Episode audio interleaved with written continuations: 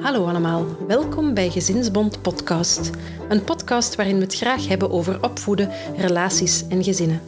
Ik ben Marijke, educatief medewerker bij Gezinsbond en mama van twee lieve, energieke jongens. In deze reeks Even met twee hebben we het over de eerste jaren als ouder.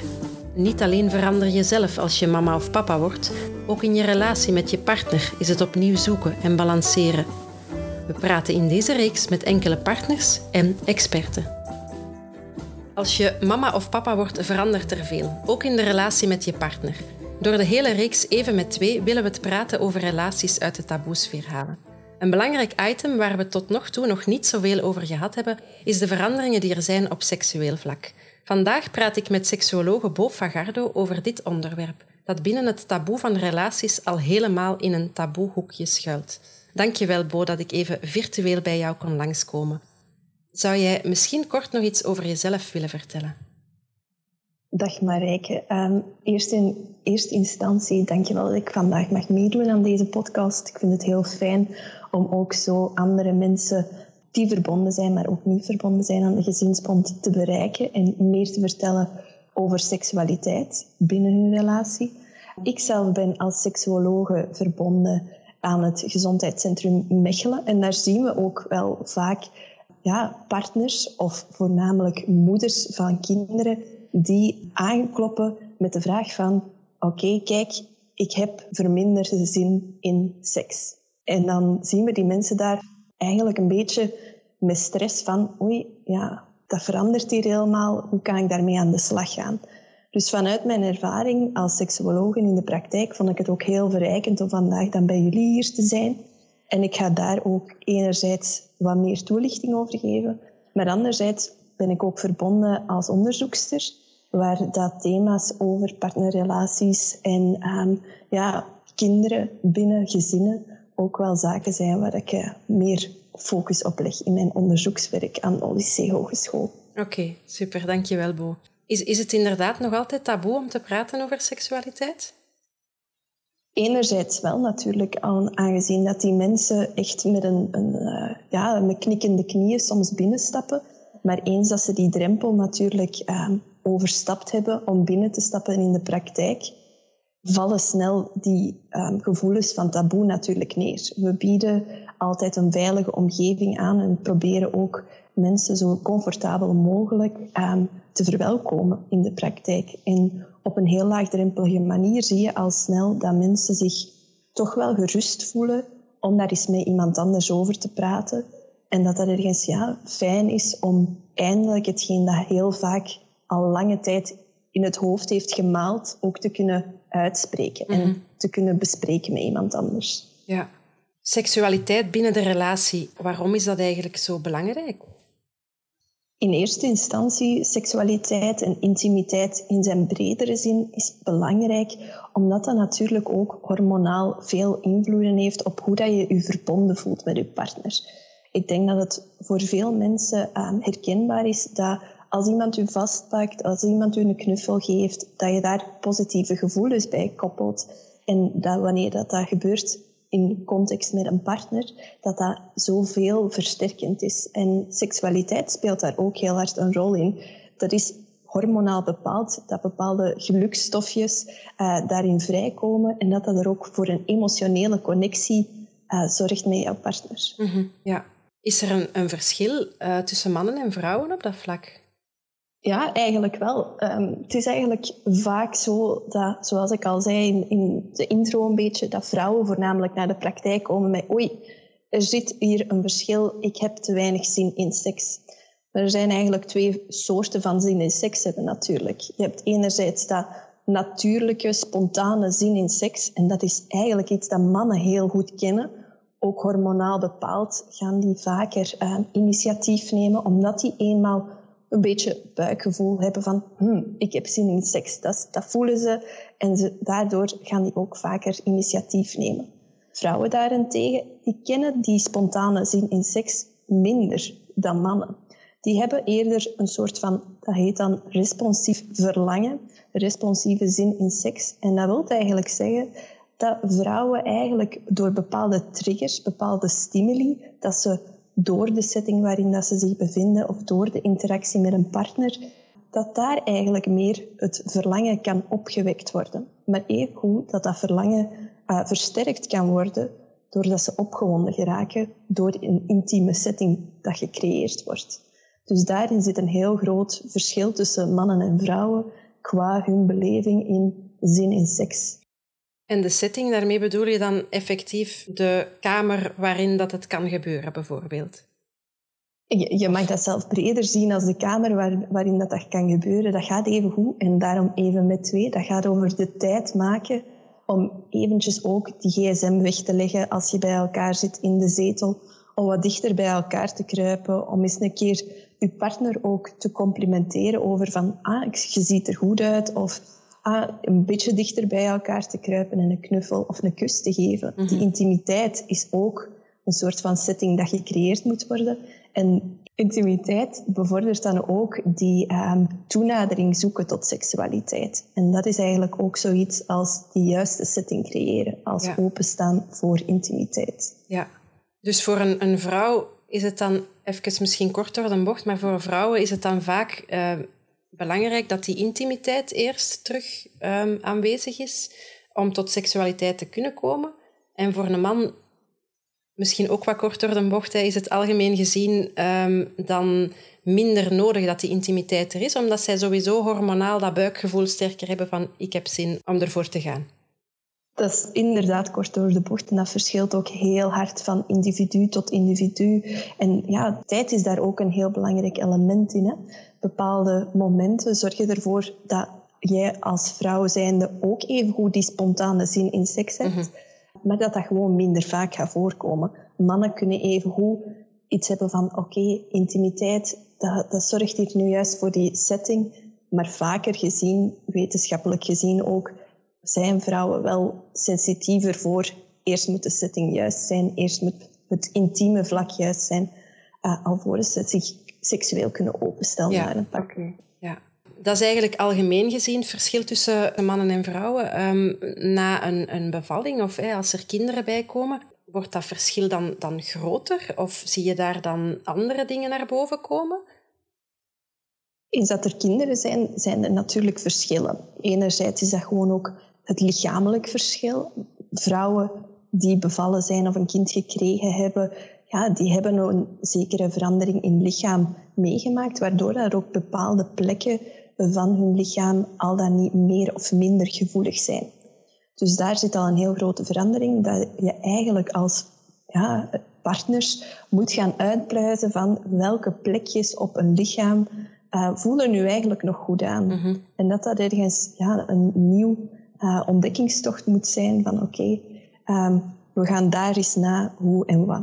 Ik denk bijvoorbeeld aan borsten, dat is zoiets vanzelfsprekend. Um, vrouwen die ervoor kiezen om borstvoeding te geven.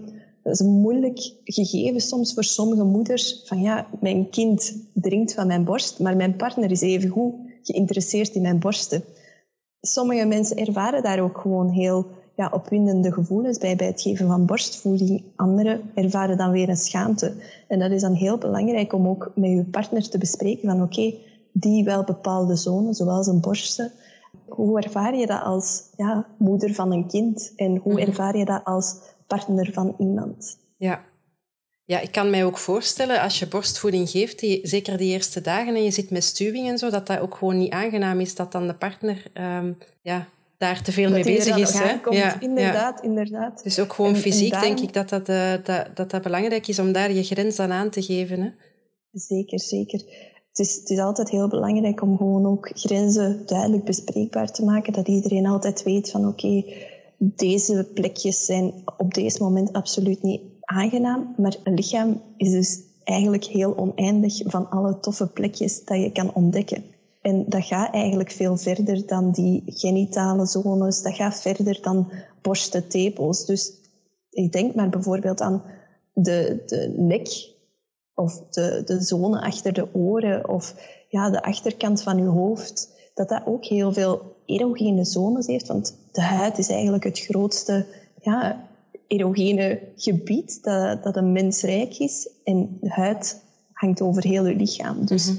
Het is echt op zoek gaan naar nieuwe plekjes die, die wel ook stimulerend kunnen werken. Ja, dus je raadt eigenlijk partners die dan net een kindje gekregen hebben aan om eigenlijk opnieuw op zoektocht te gaan en elkaar eigenlijk opnieuw wat te leren kennen in, in dat, dat nieuw, nieuwe lijf. Ik zet het wat tussen, tussen aanhalingstekens. Dat, dat er dan bij de, de mama gekomen is, hè, door, door heel de bevalling en zo. Ja, klopt zeker.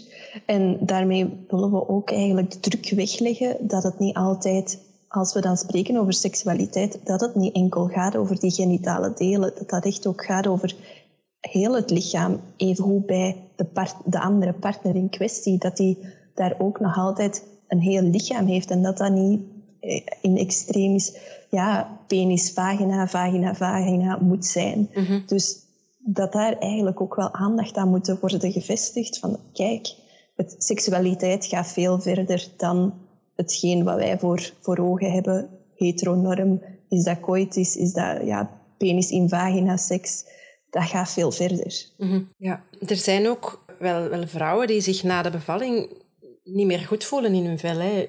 Je, lichaam is veranderd. Ja, je, je ziet er anders uit gewoon na een bevalling. Um, hoe, hoe is dat dan voor, voor koppels? En ja, wat, wat als, als je als vrouw je dan schaamt misschien voor, voor dat, dat nieuwe lichaam, hoe kan je daarmee omgaan? Ik denk dat het zeer belangrijk is om daar ook altijd eerst voor jezelf na te gaan van, kijk, ik, ik voel me niet goed in mijn vel, maar je bent natuurlijk ook meer dan enkel de delen waar dat je momenteel moeilijkheden aan hebt. Benoem dan ook echt die positieve puntjes van, ja, kijk, ik, ik heb misschien nu lekkende borsten, dat vind ik niet zo aantrekkelijk. Maar wat zijn dan zaken dat je echt nog wel um, aantrekkelijk vindt aan jezelf, of mooi vindt aan jezelf, of waar je toch wel trots op bent? Dus dan raden wij eigenlijk ook aan van kijk, ga eens na voor jezelf waar dat die ja, plekken zijn um, waar dat je best trots bent op jezelf. Ja. En dat is evengoed iets dat we willen stimuleren bij partners. Benoem dat ook bij je partner van kijk, ik snap dat je je oncomfortabel voelt op deze moment, dat je ja, toch wat in die tweestrijd zit van het, het lichaam voor en na een bevalling. Maar al bij al, benoem dan ook echt die, die, die mooie delen van een partner. Ja, dus en het is eigenlijk voor, uzelf, voor uzelf stilstaan bij wat vind ik wel nog, nog fijn aan mijn, mijn eigen lichaam. Maar ook als partner kijken naar uw partner en, en, en benoemen van... Ik vind dat echt nog mooi aan jou. Of, um, ja. Mhm. Zeker. En, en vaak gaat dat ook wel ruimer natuurlijk dan enkel uh, dat fysieke. Hè? Dat is eigenlijk ook gewoon benoemen van oké, er is wel een kind voor in de plaats mhm. gekomen van kijk eens welke capaciteiten dat wij als partners en als ouders nu ook nog hebben.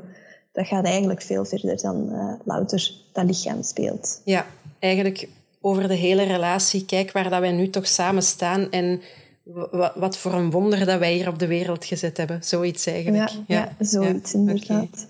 Wat als je nu te moe bent? Hè? Want jonge ouders die um, snakken soms ook wel naar slaap. Um, ja, stel je nu echt zegt van ik ben echt te moe, het, het lukt gewoon niet. Hè? Ik, ik, uh, ik, kan mij daar, ik kan daar niet genoeg energie voor vinden om die, die seksuele relatie terug uh, op te starten.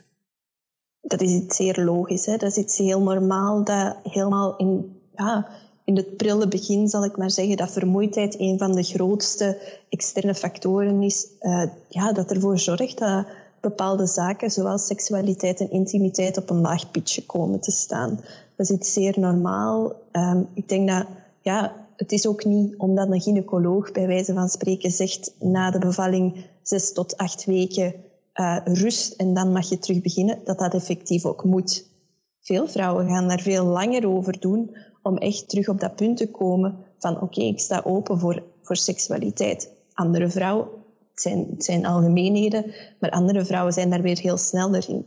Dus het is echt zo wel belangrijk als je zegt, ik ben echt te moe om dat ook aan te geven, maar ook weer in dialoog te blijven gaan met je partner van oké, wanneer kan ik er op een ander moment wel willen maken? Dus eigenlijk is het belangrijk als je zegt van oké, ik ben te moe, dat je ook echt aangeeft van het is niet dat voor de komst van kinderen. Het elke donderdagavond dat je tijd maakte voor je seksuele relatie, dat dat ook effectief na de komst van een kind die dezelfde donderdagavond zo zal zijn. Dat gaat misschien op andere momenten zijn wanneer je eigenlijk dacht van oké, normaal gezien zou ik nu geen, geen tijd hebben gemaakt of gehad, maar dat die vermoeidheid daar echt wel op inspeelt, dat je op andere momenten misschien tijd zal moeten maken of willen maken voor ja, de intieme relatie met je partner. Mhm. En dat dat echt een aanvoelen is van, uh, ja, als ik te moe ben, dan, dan gaat het gewoon niet. Anders blokkeert een vrouwelijk lichaam daar ook heel erg op. En dan ook wel aan te geven van, oké, nu voel ik me eigenlijk wel comfortabel genoeg, ben ik niet zo moe. En dan kan dat ook wel zijn dat er dan ruimte is voor die intimiteit. Mhm.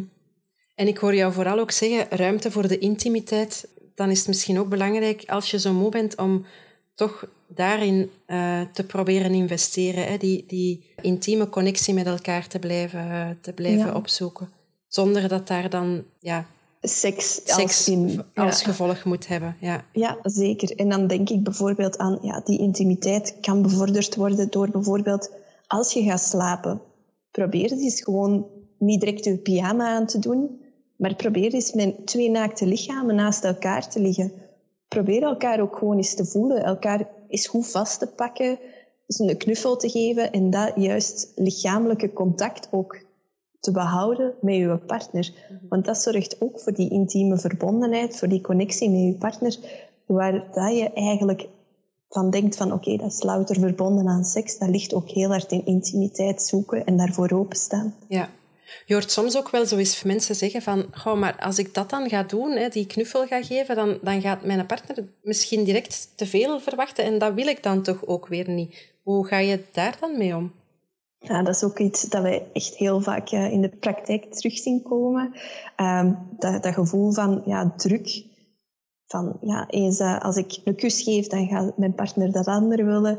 Um, ik denk dat dat een heel belangrijke is om ook te bespreken van kijk, schat, ik ben vanavond echt te moe, maar ik wil nog altijd wel uw goed vastpakken. Maar daar is de lijn dan ook even op deze moment om dat ook duidelijk te maken met je partner. Communicatie is daar heel belangrijk in. Dus dat is zeker iets dat we ook aanraden om ervoor te zorgen dat mensen ook niet in een visieuze cirkel van een soort van ja, drukgevoel vallen. En dat ze ook geen angst moeten hebben om ja, toenadering te zoeken als ze gewoon eigenlijk intiem willen zijn. Mhm. En dan ook duidelijk zeggen dat goed vastpakken voor mij betekent dat... En dan aanvullen met wat dat, dat voor jou betekent. Hè? Dat, mhm. dat het inderdaad gewoon een knuffel kan zijn. Ja, zeker. En, en dat dat ook wel besproken mag worden als, als uw partner zegt van oh, ja, ik vind dat wel jammer, dat je er nog altijd wel bij mag zeggen van oké, ik snap dat je dat jammer vindt, maar voor mij op deze moment zou het echt veel te veel ja, over uw eigen grens lopen zijn. Mhm. Dus dat je dat echt mag aangeven van oké, om niet alle uh, bruggen plat te gooien, zal ik maar zeggen, um, dat dat echt ook wel iets is waar je moet rekening mee houden, dat, dat er geen drukgevoel mag ontstaan. Ja. Um, wat, wat dat we soms ook wel eens horen is um, bij jonge ouders dat dan het, het, het, babytje nog op de kamer ligt en dat er dan zo'n soort van schroom is of zo, om, om ja, dat, dat, dat het kind er dan eigenlijk op, op ligt te kijken, zo gezegd, hè, of, of bij is. Hoe, hoe kan je daarmee omgaan als koppel, um, om, om een stuk die schaamte te overwinnen? Ja, ik denk nu in eerste instantie als je je hebt wat de koudere avonden. Als het dan een beetje onder de dekens blijft, dan kan je enerzijds al wel ja, nabijer zijn met je partner, intiemer zijn met je partner, zonder dat je echt al het gevoel hebt van, oh nee, er is een kindje dat op mij staat te kijken. Anderzijds is het ook maar zo dat, dat je als partners op een bepaald moment ook wel mag zeggen van, oké, ons kind is daar, maar dat mag ons niet weerhouden. Als dat nu weent, dan mag je dat kind effectief wel de aandacht geven. Maar probeer daarna gewoon terug die intimiteit met elkaar te zoeken. En mhm. nu niet, uh, allee, ja. Ja. Wat als uh, het initiatief vaak van één kant komt? Hoe kan je als partner die niet zo vaak zin heeft in seks of intimiteit wel laten zien dat je je partner nog graag ziet en waardeert? Je kan dat op verschillende manieren. Hè. Maar als ik dan denk aan de praktijk, een van de ja, toffe doe-opdrachten, want ik geef heel veel huiswerkopdrachten aan koppels, um, is eigenlijk om een soort van um, een confituurpot te maken. En in die confituurpot mag iedereen eigenlijk wat activiteiten ja, insteken dat ze graag doen samen met hun partner. En dat kan heel ruim gaan. Dat kan van samen een wandeling maken tot um, een film kiezen waar dat je dan um, echt het, het cinemamoment mee creëert tot ik kies een setje voor jou en jij doet dat aan. Mhm. Die activiteiten kunnen heel breed gaan. En dan is het eigenlijk de bedoeling dat um, elke partner bijvoorbeeld één keer in de week zo een briefje uit zo'n pot trekt. Om dan die activiteit, of ja, die doe-opdracht, zal ik maar zeggen, um, te gaan doen in die week. En dat is dan een soort van ja, drempelverlaging om altijd het gevoel te hebben dat het initiatief van iemand anders komt. Omdat het nu eigenlijk dan een gedragen initiatief is, omdat ieder van de partners heeft een ideetje in de pot en het toeval bepaalt gewoon welke, welk kaartje dat er naar boven komt. En dat is wel iets vaak dat heel laagdrempelig kan werken, omdat dat ook iets is van oké, je steekt daar dagdagelijks activiteiten in die je samen als koppel gaat doen. Maar er kunnen ook gewoon wat pikantere zaken in zitten, zoals dat setje lingerie dat iemand dan aandoet. Of mhm. ja, ik, ik stel nu maar eventjes ja, suggestief voor naakt koken of zo van die zaken. Dat gaat wel, wel, moeilijker als er nog andere kinderen in, in, de, in de huis te zien hoe open dat de keuken is natuurlijk en, en, en de ramen naar buiten toe. dus misschien ook. Maar het kan, ja. Het zijn, en, en wat, wat, wat, zijn zo nog opdrachtjes dat je meegeeft uh, aan de mensen, Bo? Ja, echt wel die, die streeloefening. Die streeloefening is wel een hele belangrijke om na te gaan. Eerste instantie van, kijk, ik noem het een soort van bodyscan. Ga bij je eigen aan.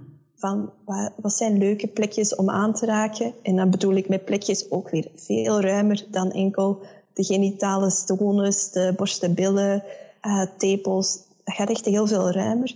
Dat mensen daar ook bij stil moeten staan, individueel op, op hun persoonlijk. Uh, van kijk, als je eventjes tijd hebt voor jezelf, bijvoorbeeld een douchemoment, ga na wat dat die leuke plekken zijn over je hele lichaam en hoe dat die ook ja, gestimuleerd kunnen worden. Is dat met je vingerstoppen? Is dat met je nagels? Is dat met extra zeep? Is dat met een washandje? Dat er heel veel verschillende um, gevoelens zijn en dat je huid daar ook anders op reageert.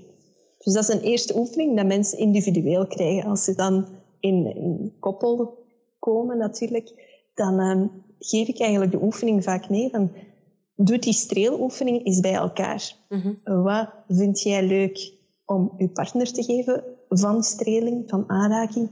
En andersom ook, laat je partner u ook aanraken. In eerste instantie is dat ook weer helemaal over het lijf gefocust, om dan nadien ook daarover dialoog aan te gaan met elkaar. Van kijk, deze vond ik leuk, deze vond ik niet leuk waarom denk jij dat ik dat leuk vond? Want eigenlijk gaan mensen daar soms veel te rap van uit van, ah, maar ik weet wel wat mijn partner tof mhm. vindt. En dat kan ook veranderen door tijd, doorheen ja, bepaalde fases dat mensen doorlopen. Kan dat helemaal anders zijn dan de partners dachten. Ja, ja, ik, ik kan mij voorstellen dat bijvoorbeeld hè, iemand die het fijn vindt om hè, over de buik gestreeld te worden, maar die dan een keizersnede gehad heeft of zo, dat dat ook weer helemaal verandert. Hè. Dus uh, zo'n dingen spelen wellicht ook een rol om dan... Uh, dat, dat gaat terug over dat elkaar herontdekken dan, denk ik. Hè. Ja. ja. We kregen bij een van onze webinars ook een, een vraag uh, binnen in de chat van kijk, onze relatie, eigenlijk gaat dat goed. Wij, wij hebben heel veel verbinding. Um, dus zij vinden dat, dat het goed gaat. Er is veel verbinding in de relatie, maar op vlak van seksualiteit mis ik die verbinding. Um, is dat iets wat dat je soms nog hoort? Of, of wat, kan, wat kan je daar dan eigenlijk aan gaan doen? Vaak is dat omdat bepaalde um, ja, aspecten van het verleden, dat dat ook weer anders wordt in seksualiteit en dat dat ook weer die nieuwe zoektocht is. En die nieuwe zoektocht kan heel breed gaan. Hè? die verbondenheid opnieuw zoeken kan bijvoorbeeld zijn door nieuwe posities binnen te brengen in uw seksuele vrijpartij. Dat kan ook zijn door bijvoorbeeld ja, speeltjes binnen te brengen, maar even hoe om ja, op bepaalde manieren um, daar vernieuwing in te brengen. Dus dat zijn zaken die ja, misschien niet altijd even evident zijn, maar die toch wel belangrijk zijn om daar even goed in te weten van seksualiteit evolueert ook en misschien heb je die verbondenheid vroeger wel gevoeld. En waar, aan waar lag dat dan? Om dat na te gaan voor, voor jezelf en ook voor, voor jullie als koppel. Mhm. Nog een vraag die een beetje aansluit bij de huidige maatschappelijke situatie, de, de pandemie, het coronagegeven zorgt er bij sommige mensen voor dat er uh, meer baby's komen. Dus de, zoals dat er wel eens lachend gezegd werd in het begin van binnen negen maanden gaan we allemaal coronababy's hebben. Maar er is toch ook wel vastgesteld dat het libido bij sommige mensen echt heel erg daalt. Ja, wat voor tips zou je uh, hebben voor deze koppels om de intimiteit in de relatie toch te bewaken? Dat is eigenlijk ook een oefening dat we geven in de praktijk. Als ze dan uh, zien van, kijk, ga eens na, uh, we noemen het een balansoefening, ga eens na welke bevorderende en welke belemmerende facetten er eigenlijk op je twee weegschaaltjes liggen dan zien we ook heel vaak bij koppels dat die zeggen, oh ja, samen uh, op restaurant gaan of iets gaan drinken, dat is echt iets dat er ook voor zorgde dat we nadien konden thuiskomen en konden zeggen van, oké, okay, amai, nu, nu zit de sfeer goed, nu gaan we er eens aan beginnen. Mm Maar dat zijn zaken dat jammer genoeg, net zoals sociale contacten met vrienden, zijn weggevallen. Of op weggevallen in de manier waarop dat we het hebben gekend in het verleden. Dus zaken waar je eigenlijk die sociale contacten of juist dat horecagevoel heel hard gaat missen, kan je proberen op te vangen door bijvoorbeeld echt wel, nu, nu schijnt de zon en nu gaat dat ook beter, ehm, om dan eens te gaan wandelen met vrienden, om dat sociaal contact wel te bevorderen, of zelf eens de picknick te organiseren samen met uw partner, om toch dat gevoel van oh, iets lekkers gaan eten, bestel takeaway, ga iets halen in het restaurantje, dat nu een uithaalmenu heeft. En, en probeer daar ook nog dat gezellige, ja, van wat je ervoor voordien deed, dat gezellige terug binnen te brengen, maar dan in huis. Ja, of in de tuin dan, hè? Als of het in de tuin. Wordt, ja. ja. Bo, zijn er nog zaken die jij zelf uh, wil toevoegen aan het hele verhaal, waarvan dat je zegt van oké, dat is toch nog echt iets wat ik aan de mensen wil meegeven? In eerste instantie denk ik, en, en ja, het, het aanbod van de gezinsbond even met twee, is al iets dat heel bevorderlijk daarin werkt, uh, is natuurlijk probeer het zelf niet als een taboe te zien. Het is heel logisch dat mensen moeilijkheden hebben om te spreken over seksualiteit, maar je bent al met je partner door zoveel fases gegaan. Als daar dan een kind bij komt, dan is seksualiteit eigenlijk een van de kleine taboes die je nog maar moet doormaken, uh, waar dat je maar ja, waar je even over kan spreken. Dus probeer ook echt die openheid met je partner te creëren om te spreken over seksualiteit. Um, dat denk ik dat een heel belangrijke tip is. Maar anderzijds ook van, kijk, um, seksualiteit is ook veel meer dan dat we misschien vanuit de maatschappij altijd um, geprojecteerd krijgen. Seksualiteit is ook veel meer dan ja, penis, vagina. Dat gaat eigenlijk over intimiteit. En tijd is daar ook wel een hele belangrijke in. Het zit in de twee woorden, seksualiteit, intimiteit, tijd. Mhm. En tijd maken speelt dan ook een heel belangrijke rol. Ja, ik denk dat dat de, de rode draad door de, de aflevering geweest is. Hè? Dat we inderdaad moeten tijd maken voor elkaar en voor die intimiteit en dan ook nog de seksualiteit die dan wel zal volgen uh, vanzelf, denk ik. Inderdaad, inderdaad. En ja, dat seksualiteit ook heel, heel verschillend kan zijn. Dat, dat varieert doorheen de tijd van mens tot mens. En, en de ene dag is dat meer aanwezig en de andere dag minder. En dat dat heel normaal is. Mhm, oké. Ehm, heel erg bedankt, Bo. Ik heb nog één laatste vraag voor jou. Wij zijn bij de Gezinsbond momenteel toekomstwensen aan het verzamelen voor gezinnen. Dus ik zou aan jou graag uh, willen vragen, wat is jouw wens voor gezinnen voor de toekomst? Ja, ik heb zoveel wensen voor gezinnen voor de toekomst. Ik denk, als ik dan nu ook naar buiten kijk en de zon schijnt, dat mijn wens is dat gezinnen van zo kleine deugden, zoals de zon die schijnt, zoals de nabijheid van de partner, de nabijheid van uw kinderen, dat we eigenlijk daar allemaal meer tot aan de essentie komen van daar dankbaar voor te zijn. En dat ook wel te zien van oké, het loopt niet altijd even goed. Soms is er regen, Soms jengelt die kleine veel te hard. Soms is er een conflict met uw partner. Maar uiteindelijk mogen we daar best dankbaar voor zijn dat we dat toch allemaal kunnen meemaken. Mhm. Dus ik denk dat dat mijn toekomstwens is, dat iedereen um, toch op zo'n momenten dankbaar kan zijn voor wat er in de kleine dingen rondom hem aanwezig is. Ja, Ik vind dat een hele mooie wens, Bo. Heel erg bedankt om, om mee te werken aan onze podcast. Ik hoop dat je heel veel mensen hebt kunnen inspireren en dat iedereen elkaar straks toch eens een hele dikke knuffel geeft. Dat hoop ik ook, Marijke. En ik geef u al vast zelf een virtuele dikke knuffel. Dank je wel om mij uit te nodigen. Dit was het weer voor vandaag. Wil je in de toekomst nog meer van deze podcast beluisteren? Abonneer je dan in je favoriete podcast-app en mis geen enkele aflevering van Gezinsbond Podcast.